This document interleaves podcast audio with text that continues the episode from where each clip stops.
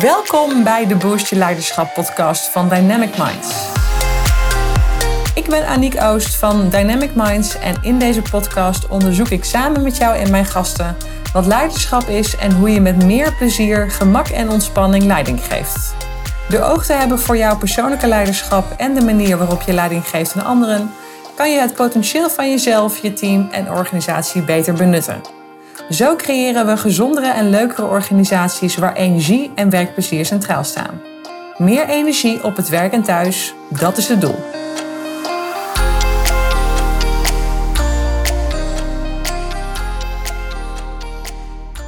Ik ga vandaag in gesprek met Celine Hoedemakers. Celine is drie jaar geleden naar Zwitserland verhuisd voor haar werk en ze is van oorsprong ergotherapeute en één jaar geleden kwam een baan als leidinggevende op haar pad. Celine en ik kenden elkaar al in Nederland en toen zij aan de slag ging als leidinggevende in Zwitserland, vond ze het belangrijk om te investeren in haar ontwikkeling en haar leiderschap. Ze heeft mij toen benaderd voor een coachtraject en we zijn aan de slag gegaan met haar leiderschap. Ik maak niet vaak mee dat leidinggevenden al zo snel investeren in hun leiderschap en ik vond dat enorm inspirerend. In mijn ogen zou het namelijk altijd zo moeten zijn dat een organisatie of een leidinggevende investeert in zijn of haar leiderschap. Het liefst van begin af aan. De realiteit is dat veel mensen denken dat hard werken erbij hoort en dat je het in de loop der jaren wel leert, terwijl het ook makkelijker en leuker kan. We bespreken in deze podcast waarom zij ervoor koos om zo snel al in een coachtraject te investeren en wat dit haar heeft opgeleverd. Aan het eind van deze podcast deelt Celine bovendien haar drie belangrijkste inzichten met je, waar jij zeker jouw voordeel mee kan doen als leidinggevende. Celine, superleuk dat je erbij bent en dat we samen dit mooie gesprek mogen voeren. Ik ken jou natuurlijk al even, maar de luisteraars die kennen jou nog niet, of waarschijnlijk nog niet. Kan jij iets meer over over jezelf vertellen? Iets wat interessant is om over jou te weten, zodat de luisteraars jou beter kunnen begrijpen. Ja, natuurlijk. Dankjewel, Nick. Superleuk dat, uh, dat je die podcast met, uh, met mij wil opnemen. Um, ja, wat, wat interessant is er voor mij nog te weten. Um, zoals je zei, een jaar geleden is die uh, um, job als leidinggevende op mijn pad gekomen. en ik ben inderdaad redelijk vroeg gestart met een coachingstraject. en ik ben daarmee gestart uh, omdat ik zelf het gevoel had... Um, goh, Celine, je bent nog best wel jong in je rol als leidinggevende. Um, en ik voelde me daar van de ene kant wel zeker om daarmee te starten. Het was een, ja, mooie volgende uh, stap in mijn carrière. Um, maar ik ervaarde ook dat ik, uh, dat ik daar wel nog wat hulp bij nodig had. Daarnaast had ik nog een aantal andere uitdagingen. Um, die op dat moment ook gewoon een hele grote rol in mijn leven speelden. En toen dacht ik van, oh jee, dat moet ik wel allemaal even naast elkaar gaan leggen. En volgens mij kan ik daar wel wat hulp bij gebruiken. En jij inspireerde me uh, ontzettend met, uh, uh, met jouw pagina bijvoorbeeld op LinkedIn. En hoe jij um, jouw coachingstrajecten ook promoten. En dat, dat sloot gewoon heel erg, erg aan bij mijn wens op dat moment. En uh, vandaar dat ik um, ja, dat coachingstraject bij jou gestart ben. Ja, en je vertelt echt heel mooi van er speelde heel veel op dat moment. Ik denk dat heel veel mensen dat herkennen, hè? of het nou privé is of met het werk. Er kan eigenlijk soms van alles tegelijkertijd spelen. Um, kun je heel kort misschien toelichten um, wat dat voor jou was? Wat maakte dat er toch wel veel speelde waarom je dacht: oké, okay, dit vraagt toch ook even wat extra aandacht? Mm -hmm. Um, ja. Ik was, um, ben op dit moment nog altijd bezig met, uh, met een masterstudie. Um, en die doe ik deeltijd, dus naast mijn werk. en dat vergt gewoon ontzettend veel tijd en energie. en veel discipline. Dus dat was ook weer een, eh, een grote uitdaging. Uh, daarnaast inderdaad dan die nieuwe grote uitdaging als leidinggevende te gaan werken. En um, ik ervaarde ook, want ik ben vanuit het team gegroeid naar de positie van leidinggevende. Um, je bent al, ik was al twee jaar binnen dat bedrijf, binnen dat team. En je merkt, je weet hoe het speelt. Dus de, de, onrust die in dat team op dat moment was. Ehm, en ehm, ja, het team bestond toen uit uh, eh, 15 personen, nee, 12 personen. Ehm, en ik vond dat toch wel heel spannend om in één keer uh, de leiding te krijgen over ja, 12, 12 personen. dus ja, dat was eigenlijk de combinatie van de, mijn, mijn masterstudie, de combinatie met uh, de leiding krijgen over dat team. Um, ja, dat, dat, dat was eigenlijk wel genoeg. er gebeurde genoeg in jouw leven. Dus ik, kon wel wat hulp gebruiken. Um, en wat was voor jou de belangrijkste reden dan om daarmee te starten? Je zegt van aan de ene kant, hè, omdat er zoveel gebeurde. Wat was het verlangen wat eronder zat, wat je graag wilde, wat eruit zou komen? Waar wilde je graag naartoe? Um, ik wilde graag um, ik had zo'n plaatje in mijn hoofd van oké, een leidinggevende, die, heeft, die, die weet hoe het rijdt en zeilt. Een leidinggevende die, is, die heeft de rust, die heeft de overzicht. Um, die wordt uh, niet, die, ja, die raakt niet zo snel van zijn padje af als er iets gebeurt. Ja. Die heeft kennis over heel veel. Dus ik had zo'n zo'n ideaal plaatje zeg maar, in mijn hoofd van een leidinggevende. En toen dacht ik van, hmm, dat ben ik nog niet. Ehm, en eigenlijk dat vooral het verlangen naar um, op een rustige, stabiele wijze een, een team leiden. Ehm, dat, ja, dat, dat, dat wilde ik ervaren. Dat, dat wilde ik mezelf gunnen. maar ook mijn team vooral gunnen. want ik, ik wist gewoon dat het, uh, dat ontbrak aan mijn team. Uh, een rustige, stabiele leidinggevende. En ik had wel ervaren dat het... ik gewoon persoonlijke kenmerken waarschijnlijk had uh, waar mensen heel positief op reageerden. Ze hebben ook heel positief gevonden dat ik naderhand leidinggevende geworden ben. En ze, zei, ze, zeiden al, ze zeiden dan, ja, dat is echt iets voor jou. En ik vroeg me altijd af, hoe kom je daar nu bij? ja. Leuk dat dat gezegd wordt. En dat is ook heel fijn. Maar wat is dat dan precies wat mensen dan zien? Um, ja, en dat wilde ik ook bij mezelf, bij mezelf uitvinden. Ja. Ja, dus echt jezelf beter leren kennen en, en zien. En je team beter kunnen uh, leiden. Vanuit rust hoor ik jou ook heel erg zeggen. Ja. Uh, wat is er mogelijk volgens jou op het moment dat dat er is? Um, dan is eigenlijk alles mogelijk. Dat is het mooie.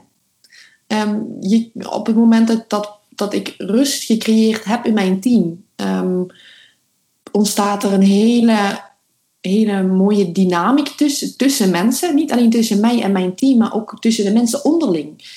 Uh, de kwaliteit van, van de, ja goed, bij mij dan de therapieën, uh, die verbetert zelfs. Um, mensen komen met plezier werken. Ik heb echt mensen gehad die, um, die naderhand gezegd hebben van... Celine, ik sta op s'morgens en ik kom weer met plezier werken. En als ik naderhand erop terugreflecteer, komt dat gewoon omdat er rust gecreëerd worden is. En dat, ja, dat, dat, dat geeft gewoon een heel mooi gevoel. Um, communicatie verbetert zich ook onderling, tussen, tussen de mensen, tussen in jouw team, maar ook tussen mijn teams en andere teams.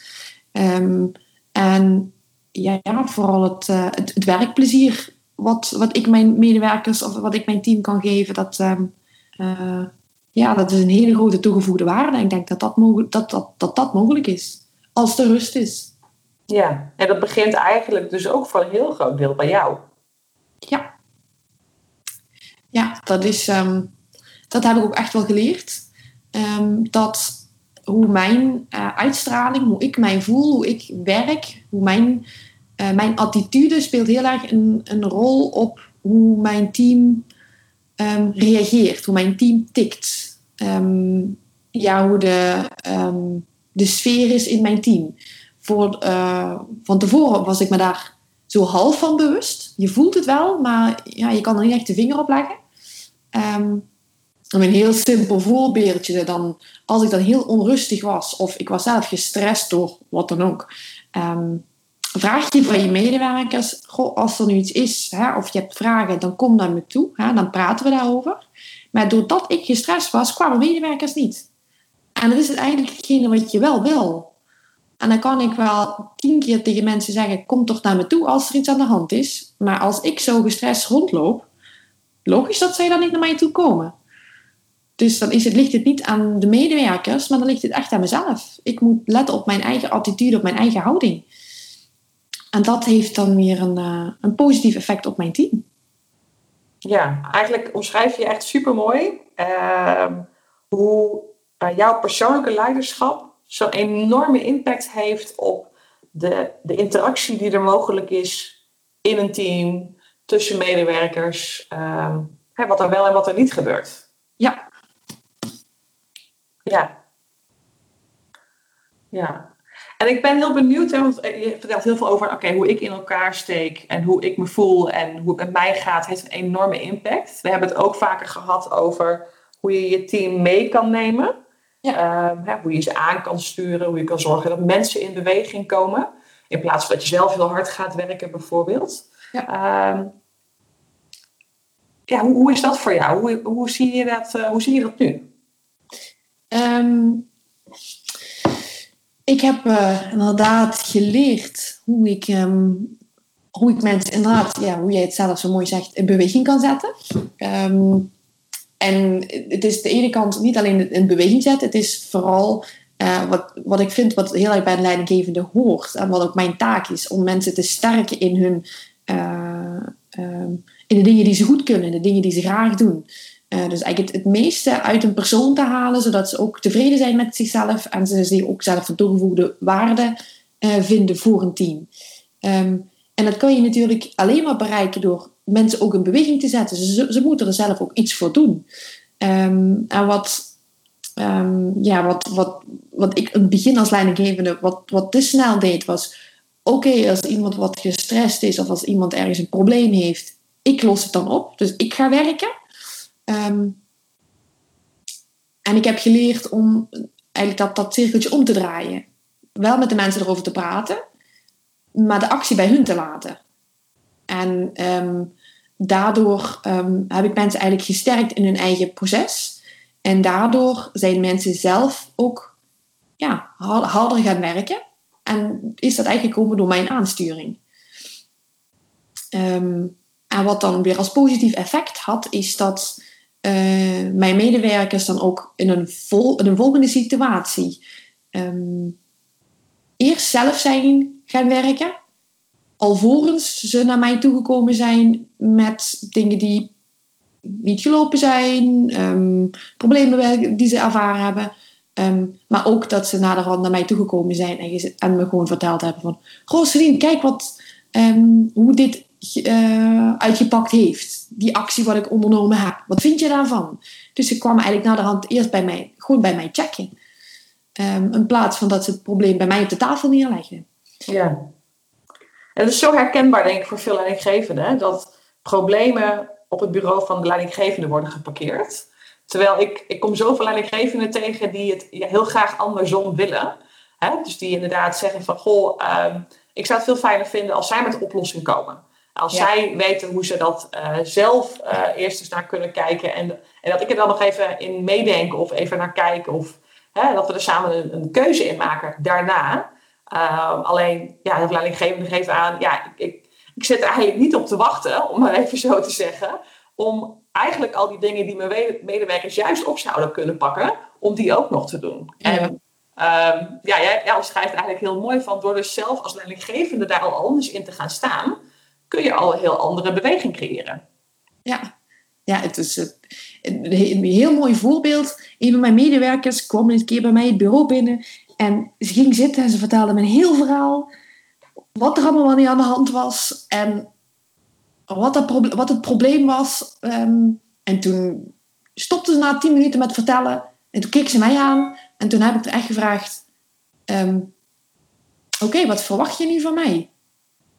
En haar reactie, zij keek me echt aan. Ze van, oké, deze reactie had ik even niet verwacht. Ja. Mensen gaan dan heel snel vanuit van oké, ik, uh, ik trek een laadje open en de oplossing leg ik je gewoon zo, presenteer ik je op een dienblaadje op tafel. Want dat gebeurde dus op dat moment niet. En zij keek me alleen zo aan van oké, deze reactie had ik niet verwacht. En daarna zijn we in een heel mooi gesprek geland. Um, en toen is ze eigenlijk ja, heel tevreden daarna naar buiten gelopen.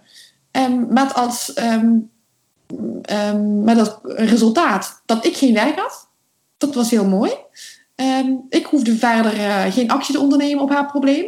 Ehm, zij wist precies wat ze, wat ze wilde gaan doen, hoe ze dat ging gaan doen, hoe ze dat moest gaan doen. En inderdaad, na twee weken kwam ze naar me toe en vertelde ze me ook heel trots hoe dat goed gelopen was. Nou, Ja. mooi.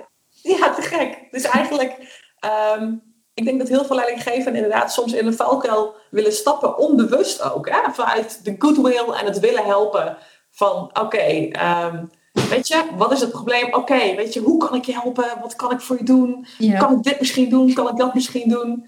Terwijl eh, het kan dus ook anders. Dat wil niet zeggen dat het anders moet. Maar het kan wel. En die uitnodiging om het in ieder geval te onderzoeken. Hè, moet ik altijd met al die dingen wat doen als leidinggevende? Ehm, dat biedt natuurlijk al veel meer ruimte om ook te onderzoeken. Wellicht kan het anders. En wat gebeurt er als het anders kan en mag? Ja. Ik kan me voorstellen dat je ook veel meer eh, tijd oplevert als je op deze manier eh, leiding geeft. Hoe heb jij dat ervaren? Ehm, ja, ehm, aan het begin van ons coachingtraject ehm, had ik echt het gevoel van... Goh, wauw, hoe moet ik dit allemaal eh, onder één hoed gaan krijgen? En nu op het, op het einde merk ik wel... ja, dat ik, dat ik wel veel efficiënter ben gaan werken. En het, het mooie is, dat, dat is heel... Heel, heel stiekem gegaan, om maar zo te zeggen. Eh, je leert elke keer weer nieuwe, ik heb elke keer weer nieuwe handvaten geleerd. ehm, welke mij helpen, eh, die me helpen om eh, mijn, mijn werkdag gewoon beter vorm te geven. Ehm, en waardoor ik inderdaad ook merk dat ik ehm, ja, meer, meer rust heb. Heel efficiënt werk. Ik verzet ook veel werk. En ga ook gewoon op tijd weer naar huis. Ik, Ja. ik, ik, ik, werk geen dagen meer van, van 8 tot eh 7 of van 8 tot, tot 8. Als het moet, tuurlijk, dan is dat geen probleem. Maar ehm, je bent gewoon op tijd ook klaar. En dan is het ook goed. En ik ga gewoon met energie zelfs naar huis. Ik ga gewoon zelfs met energie naar huis. Alsof dat niet vanzelfsprekend is of zo, hè? Ja, dat is, ehm, dat is op zich wel heel speciaal. Want eh, mensen, of je team, maar ook andere mensen, zien jou dan aan, die zien aan jou van... Wauw, die gaat s'avonds nog, eh, geen idee, hardlopen of eh, naar, naar weet ik veel wat, wat, wat ik van s'avonds nog doe. of het weekend. Ehm, en die vragen me wel eens van, hoe doe jij dat? Hoe heb Ja. je energie naast je werk om dat nog allemaal te doen? Ja. En- ja, ik heb nu gewoon het gevoel dat ik niet, het is niet dat ik minder werk doe. Ik, ik werk gewoon efficiënter. En dan inderdaad, ehm, ik heb er gewoon meer tijd voor gekregen. Meer Ja. tijd voor de dingen die belangrijk zijn op het werk. ja. En ehm, tot nu toe heb ik eh, niemand van mijn team horen klagen dat ik, eh, dat ik minder werk of dat ik eh, mijn werk niet goed doe. Dus dat is goed. Ja, het is ook niet zo dat je halverwege de dag al naar huis gaat. Alleen, het is ook niet zo dat je dus al die overuren structureel hoeft te maken. Nee, nee, helemaal niet. Niemand, Ja. niemand wil blijven overuren. Ik Ja. niet, mijn werkgever niet en mijn team ook niet. Nee. Ja, dat is, ik vind ik echt is, zo interessant, hè? Want ik, ik denk dat heel veel, ehm, wat jij ook omschrijft, is ehm, dat het dus zo mogelijk is, dat het kan op deze manier. En aan de reacties die jij ontvangt, hoor je eigenlijk ook, oh goh, huh, kan dat? Ja. En ehm, ik zie dat ook ontzettend vaak. En ik, ik vind dat ook echt, ik vind dat ja, dood en doodzonde eigenlijk. Als ik dat soort dingen hoor, omdat ik dan denk, goh, wow, blijkbaar is het zo normaal geworden. We zijn het zo normaal gaan vinden. Dat je dus al die overuren moet maken. Dat je zo hard moet werken. Dat je, nou ja, noem het allemaal maar op. Ehm, maar ja, welke prijs hangt daar dan ook aan vast uiteindelijk? En wordt het daar ook leuker van? Ja. Ehm, ja, hoe zie jij dat? Ehm, nou, het, eh, het ene wat je zegt van, moet ik zo hard werken? Ehm, ik denk dat je het zelfs nog wel anders kan verwoorden. Ja, ehm, je moet ook hard werken. Maar je kan heel efficiënt hard werken. Want op dit moment werk, werk ik ook nog altijd hard. Maar op, ja, maar op een, he- op een hele andere manier. En ehm, soms betrap ik me er zelf ook wel op dat ik inderdaad het gevoel heb van, oh, ik heb nog zoveel energie, het gaat goed, laten we nog iets erbij doen. Ach ja joh. ja. Want dat, gaat, dat gaat toch? Ja. Uh, en dan betrap ik me inderdaad wel uh, snel zelf erop. Um, nee, Celine, stop, langzaam. Niet, niet meteen meer veel te veel nemen, want inderdaad, dan verval je weer in dat oude van oké, we moeten maar we moeten maar vechten en, hard werken en nog harder werken en uren maken. En um, ja, wat levert je dat uiteindelijk op aan de achterkant? Uh, ja, minder tijd voor, voor de dingen die ik ook heel graag doe. Zoals in de bergen gaan. Omdat ik in Zwitserland woon, kan dat hier. Um, um, inderdaad, de hele dag in de bergen gaan wandelen. Um, S'avonds nog met vriendinnen op het, uh, wat gaan drinken. Of, uh, en in dit geval, ik heb ook energie nodig voor mijn uh, masterthesis te schrijven. En ik heb gewoon gemerkt, op het moment dat ik te hard loop, heb ik s'avonds geen energie en geen, ja, geen energie meer om mijn masterthesis te schrijven. En dat kan ik me niet permitteren. Ja. Um, dus ik moet eigenlijk een balans vinden tussen um, hard werken op het werk, plus hard werken voor mijn thesis. En ook nog um, ja, tijd overhouden voor ja, toch wat ontspanning en voor, uh, voor sociaal leven. Ja. ja, en dan moet je keuzes maken. En ik heb toen de keuze gemaakt om dat coachingstraject met jou te starten, wat nu inderdaad aan de achterkant mij oplevert dat ik inderdaad uh, die energie wel beter goed kan verdelen. Ja, en eigenlijk dus op een meer ontspannen, efficiënte, prettigere manier je werk kan doen. Eigenlijk zelfs meer werk verzet krijgt. En ook nog de mensen om je heen, je collega's, je medewerkers, daar ook nog een positieve uh, beweging kan realiseren. Ja, dat werkt natuurlijk niet elke week. ja. Ik, ik probeer het in elk geval. Ja. Natuurlijk zijn er ook wel momenten dat je weer dat, uh, in wat meer oudere patronen terugvalt. Um, maar um, het mooie is dat ik het, uh, dat ik het langzaamaan sneller leer herkennen bij mezelf. Ja. En um, hoe sneller ik dat weer herken, hoe beter ik het weer kan oppakken. Ja. Ik denk ook dat het echt um, om van jezelf te verlangen dat het altijd goed gaat. Hè? Ook, ook al ben je er op een gegeven moment heel goed in. Er zijn altijd momenten, denk ik, in je werk of in je leven waarin het even moeilijker gaat. En ja, wat je heel mooi zegt, inderdaad, het gaat er meer om dat je het dan herkent en dan om weet te zetten. Uh, dan dat je misschien weer een keer met beide benen erin bent uh, gesprongen. Ja. Ja. ja. En dat, uh, dat heb ik ook wel weer ervaren tijdens ons traject. Ja. Dat ik dacht van, Oh nee, nee, ik dacht, ik, dacht dat ik, het, uh, ik dacht dat ik het kon. Ik dacht dat het me lukte. En toen zat ik daar weer middenin. Ja, heel menselijk. ja, inderdaad. Ja. Nou, ja. dan gaan, kruipen we er gewoon weer uit en dan gaan we weer verder. ja, en wat ik ook is dat je omschrijft... Ik heb werk en privé. Omdat ik denk dat als je bijvoorbeeld thuis niet lekker in je vel zit of uh, wat dan ook, dan kan dat best wel meteen een impact hebben op je werk. En andersom ook. Als het lekker loopt op je werk, kan dat weer privé uh, invloed hebben. En ik kon je ook heel mooi eigenlijk vertellen over die combinatie van in de bergen gaan hardlopen, met vrienden of vriendinnen afspreken en werk. En dat je juist ook je werk dus zo in wilt richten dat er ook tijd en energie is voor dat privéstuk.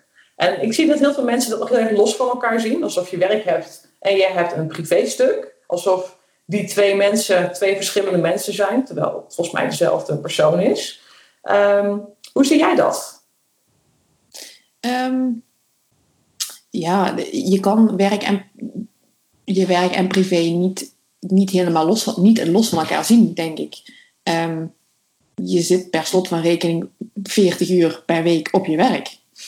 En dat is heel veel tijd. en uh, ik denk dat dat zeker, het heeft zeker een hele grote invloed op elkaar. Um, als het mij privé uh, goed gaat, dat het mij op het werk ook beter gaat. Maar dat heeft ook een wisselwerking. Als het mij op het werk niet goed gaat, dan gaat het mij privé waarschijnlijk ook niet goed. Um, of dan heeft dat invloed op mijn privé, om het maar zo te zeggen. Ja. Um, en ja, ik, ik vind altijd mooi. Ik heb ooit eens een, een, een leraar gehad en die heeft mij verteld: um, Celine, Um, do what you are passionate about. En dat heb ik altijd in mijn hoofd gehouden. En dat, dat heeft hij um, betrokken op het werk. Um, dus vind gewoon, vind jouw passie. Vind wat je graag doet. Privé, maar ook op het werk. En als je vindt wat je graag doet, en dat is in mijn geval ook een, een team aansturen. ik vind het gewoon echt oprecht leuk om te doen. dan, ja, dan is het ook eigenlijk ook gewoon hartstikke oké dat, uh, dat, dat werk en privé niet los van elkaar staan. Waarom zou ik dat zo los van elkaar moeten zien? Um, en ja, als ik, uh, als ik hetgene doe waar ik een passie voor heb, uh, doe ik het graag, doe ik het met plezier, doe ik het met energie. Um, en dan doe ik dat ook in mijn privéleven. Ja, dus eigenlijk altijd met elkaar verbonden. Of het nou een, een studie is, of hè, sport of iets anders. In combinatie met werk. Voor andere mensen zijn het wellicht kinderen of ouders hè, die aandacht vragen. Je kunt het eigenlijk niet los van elkaar zien. Nee, nee denk ik niet. Denk ik niet. Uh, wat ik wel ervaren heb, um, is um, die uh, generatiekloven. En dan spreek ik even ook vanuit, uh, vanuit uh, personen in mijn team.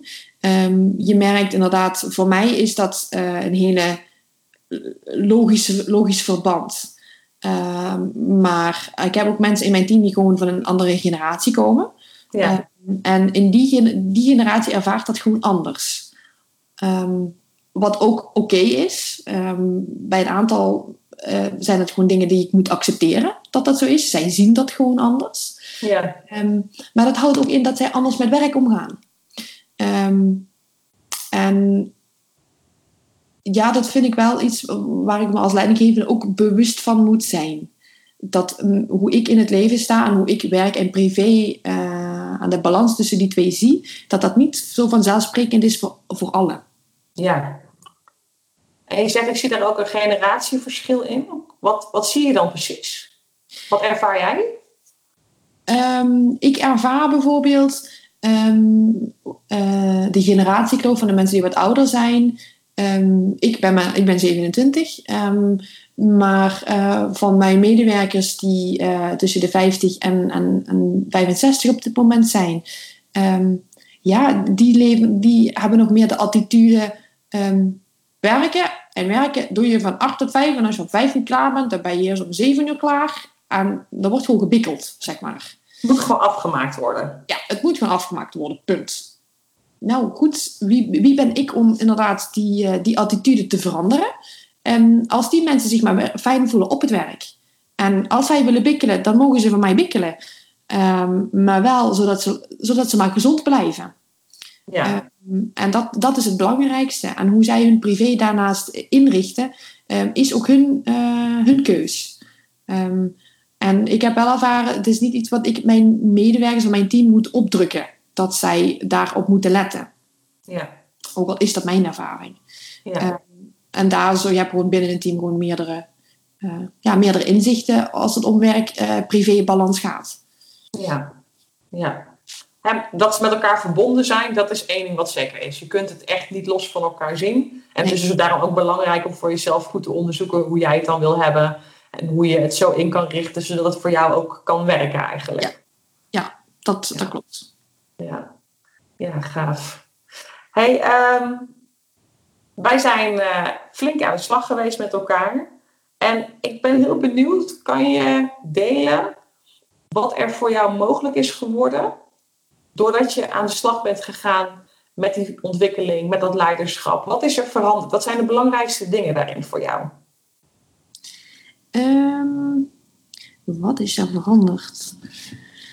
Um, het mooie is, dat is een hele moeilijke vraag.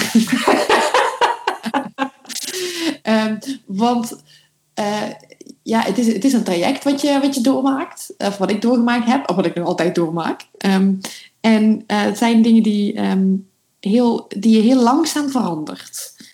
Uh, en ja, om dan oeh, meteen nu te zeggen van wat, wat, uh, wat is voor jou het...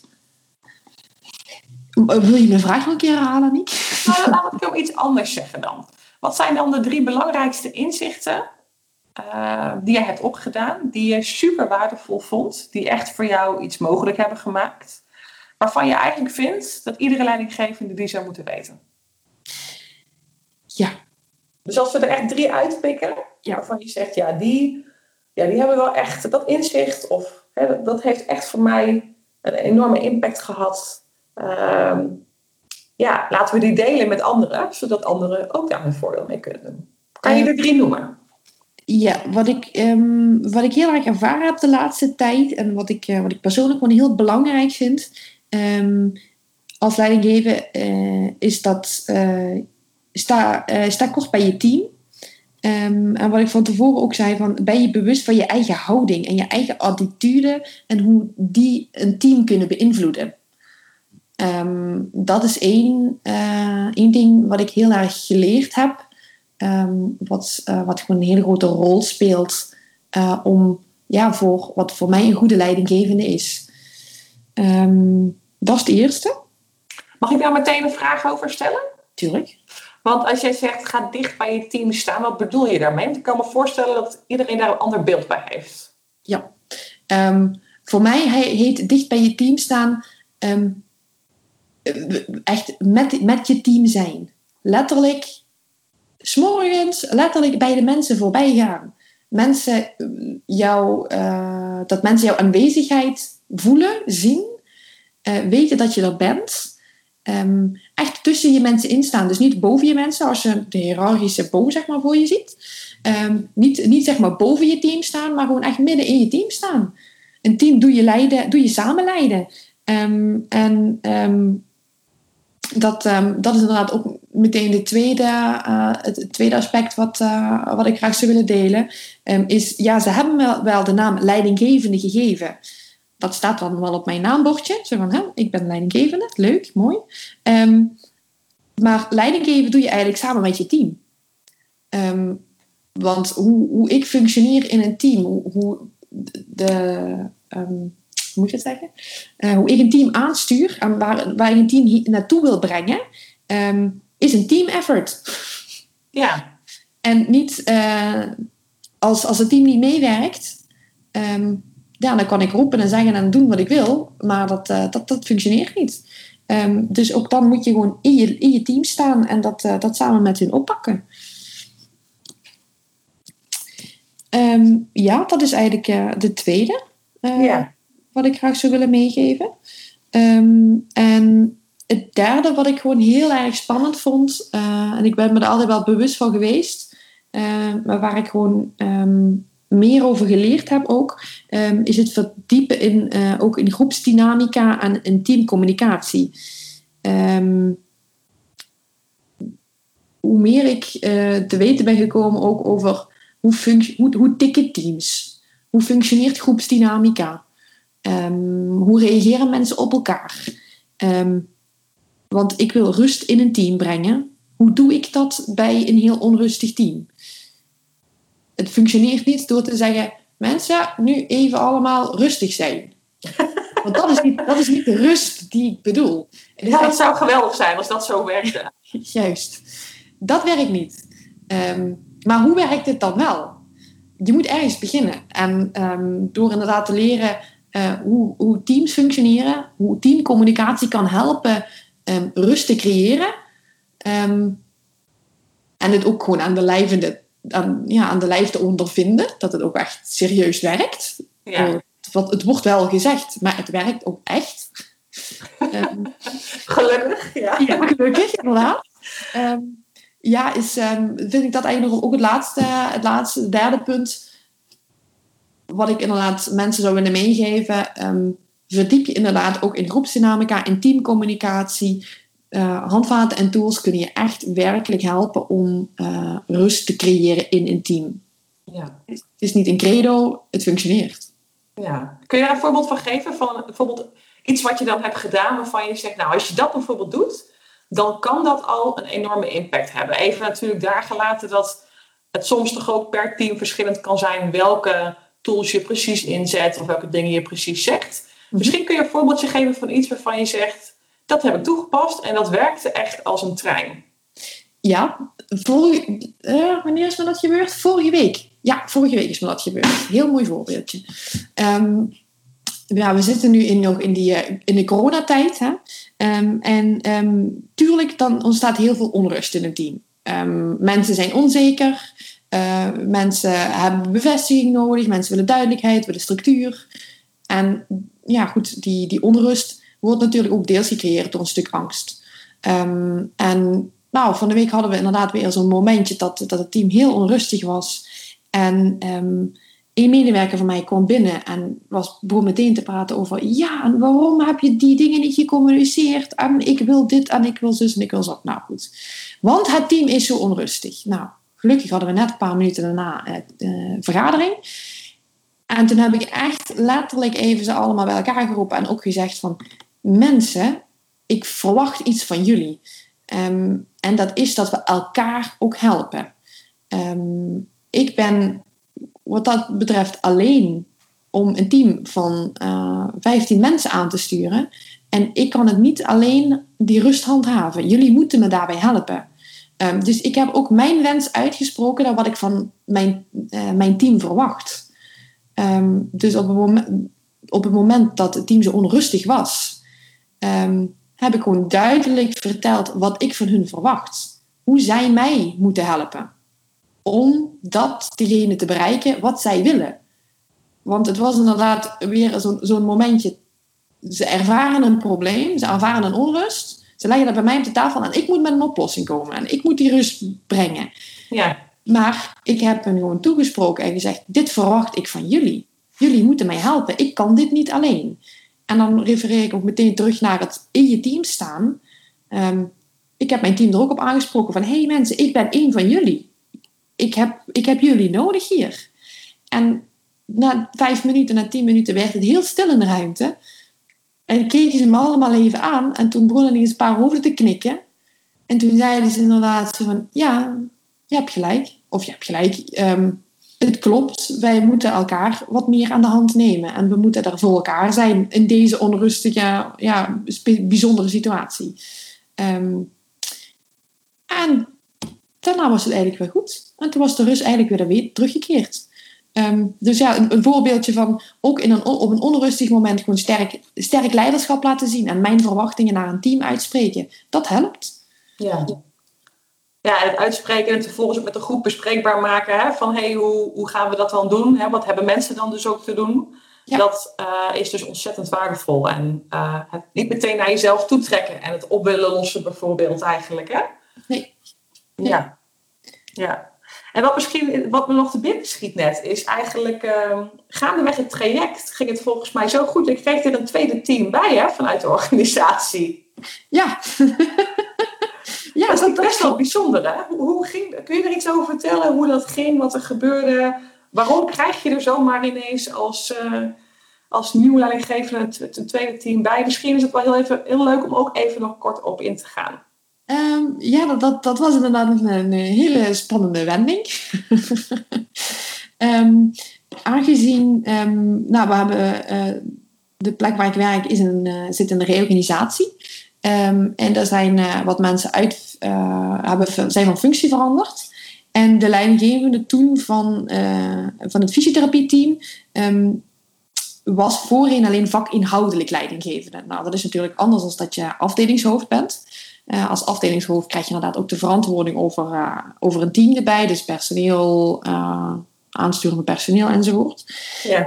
en zij heeft letterlijk ervaren dat personeel aansturen, dat is gewoon niks voor mij.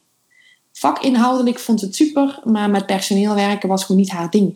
Um, en dat heeft ze ook gewoon ervaren. En zij heeft ook een, gewoon heel letterlijk de keuze gemaakt: dit is gewoon echt niks voor mij.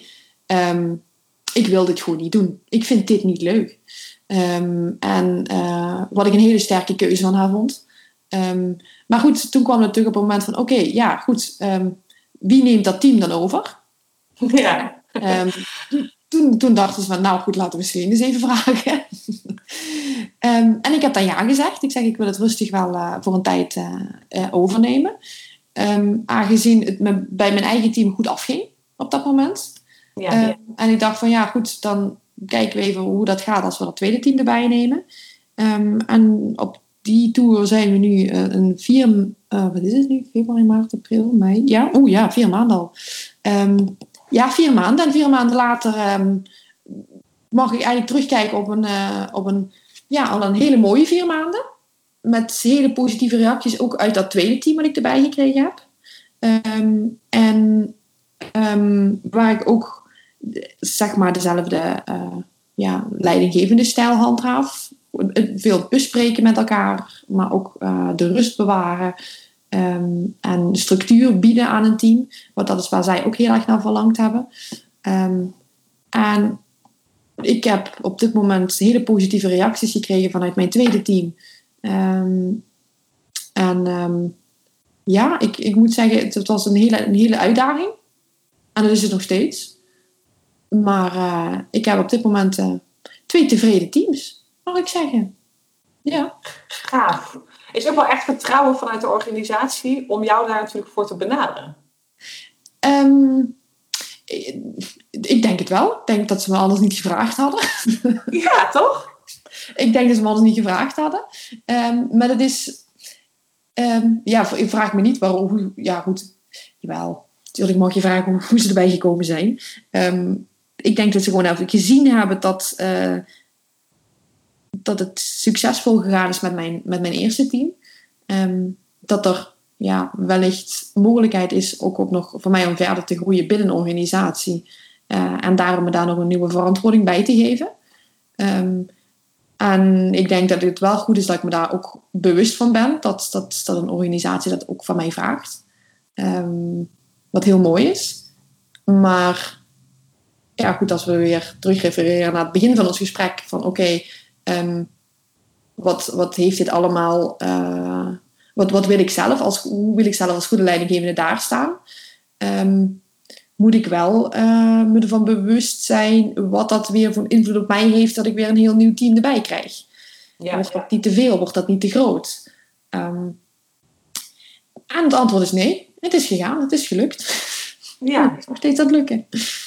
Ja, en nog steeds vanuit die ontspanning en dat gemak en hè, toch uh, al die elementen daarin integreren. Waardoor het niet zo is dat een tweede team betekent dat uh, je wel s'avonds kapot uh, thuis komt. Ook dan kan dat dus gewoon nog steeds. Ja, ver, verbazingwekkend wel. Ja, het lukt.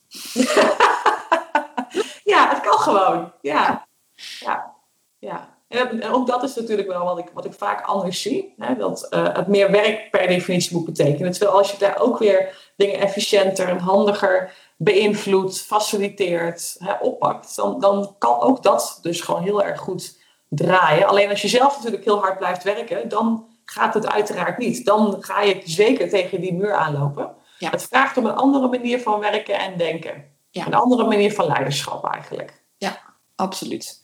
En het is, ehm, ik denk dat het ook wel oké is om soms tegen die muur aan te lopen. Het is weer een leermoment.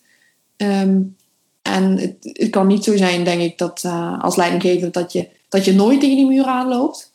Um, maar ik denk dat het ook een feit is dat je gewoon leert om daarmee om te gaan. Ja, de vraag is misschien wat je ermee doet als je er tegenaan loopt. Juist. Als je er één keer tegenaan loopt of drie keer als je er tien keer tegenaan loopt, wat doe je dan? Iedereen loopt wel eens tegen die muur aan.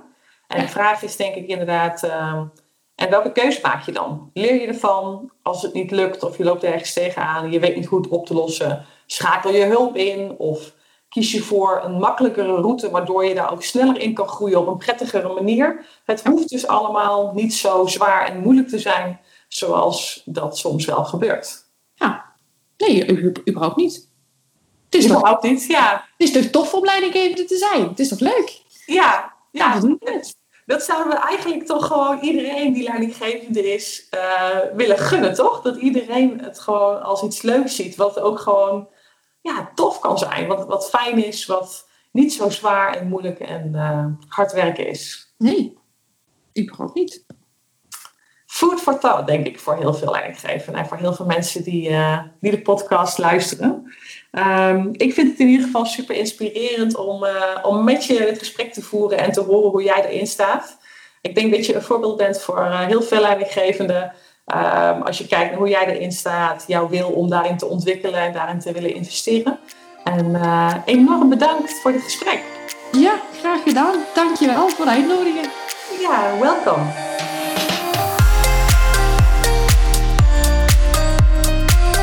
Wat leuk dat je weer hebt geluisterd naar een aflevering van de Boost Je Leiderschap podcast van Dynamic Minds. Ik ben benieuwd wat je van deze podcast vond. Want het doel van deze podcast is om je te inspireren en te motiveren om aan de slag te gaan met je eigen leiderschap en het leiderschap binnen jouw organisatie. Want dat zorgt voor meer energie op het werk en thuis. Ik wil dan ook dolgraag weten wat je van deze podcast vindt. Kom het me vertellen op LinkedIn. Ik heet daar Aniek Oost en ik ben daar elke dag te vinden om met je te connecten, met je te praten en om van je te horen waar het team van Dynamic Minds je mee kan helpen. Dus zoek me op op LinkedIn en laat me weten wat je van de podcast vindt. Ik spreek je hopelijk snel op LinkedIn en zie je graag terug bij de volgende podcast.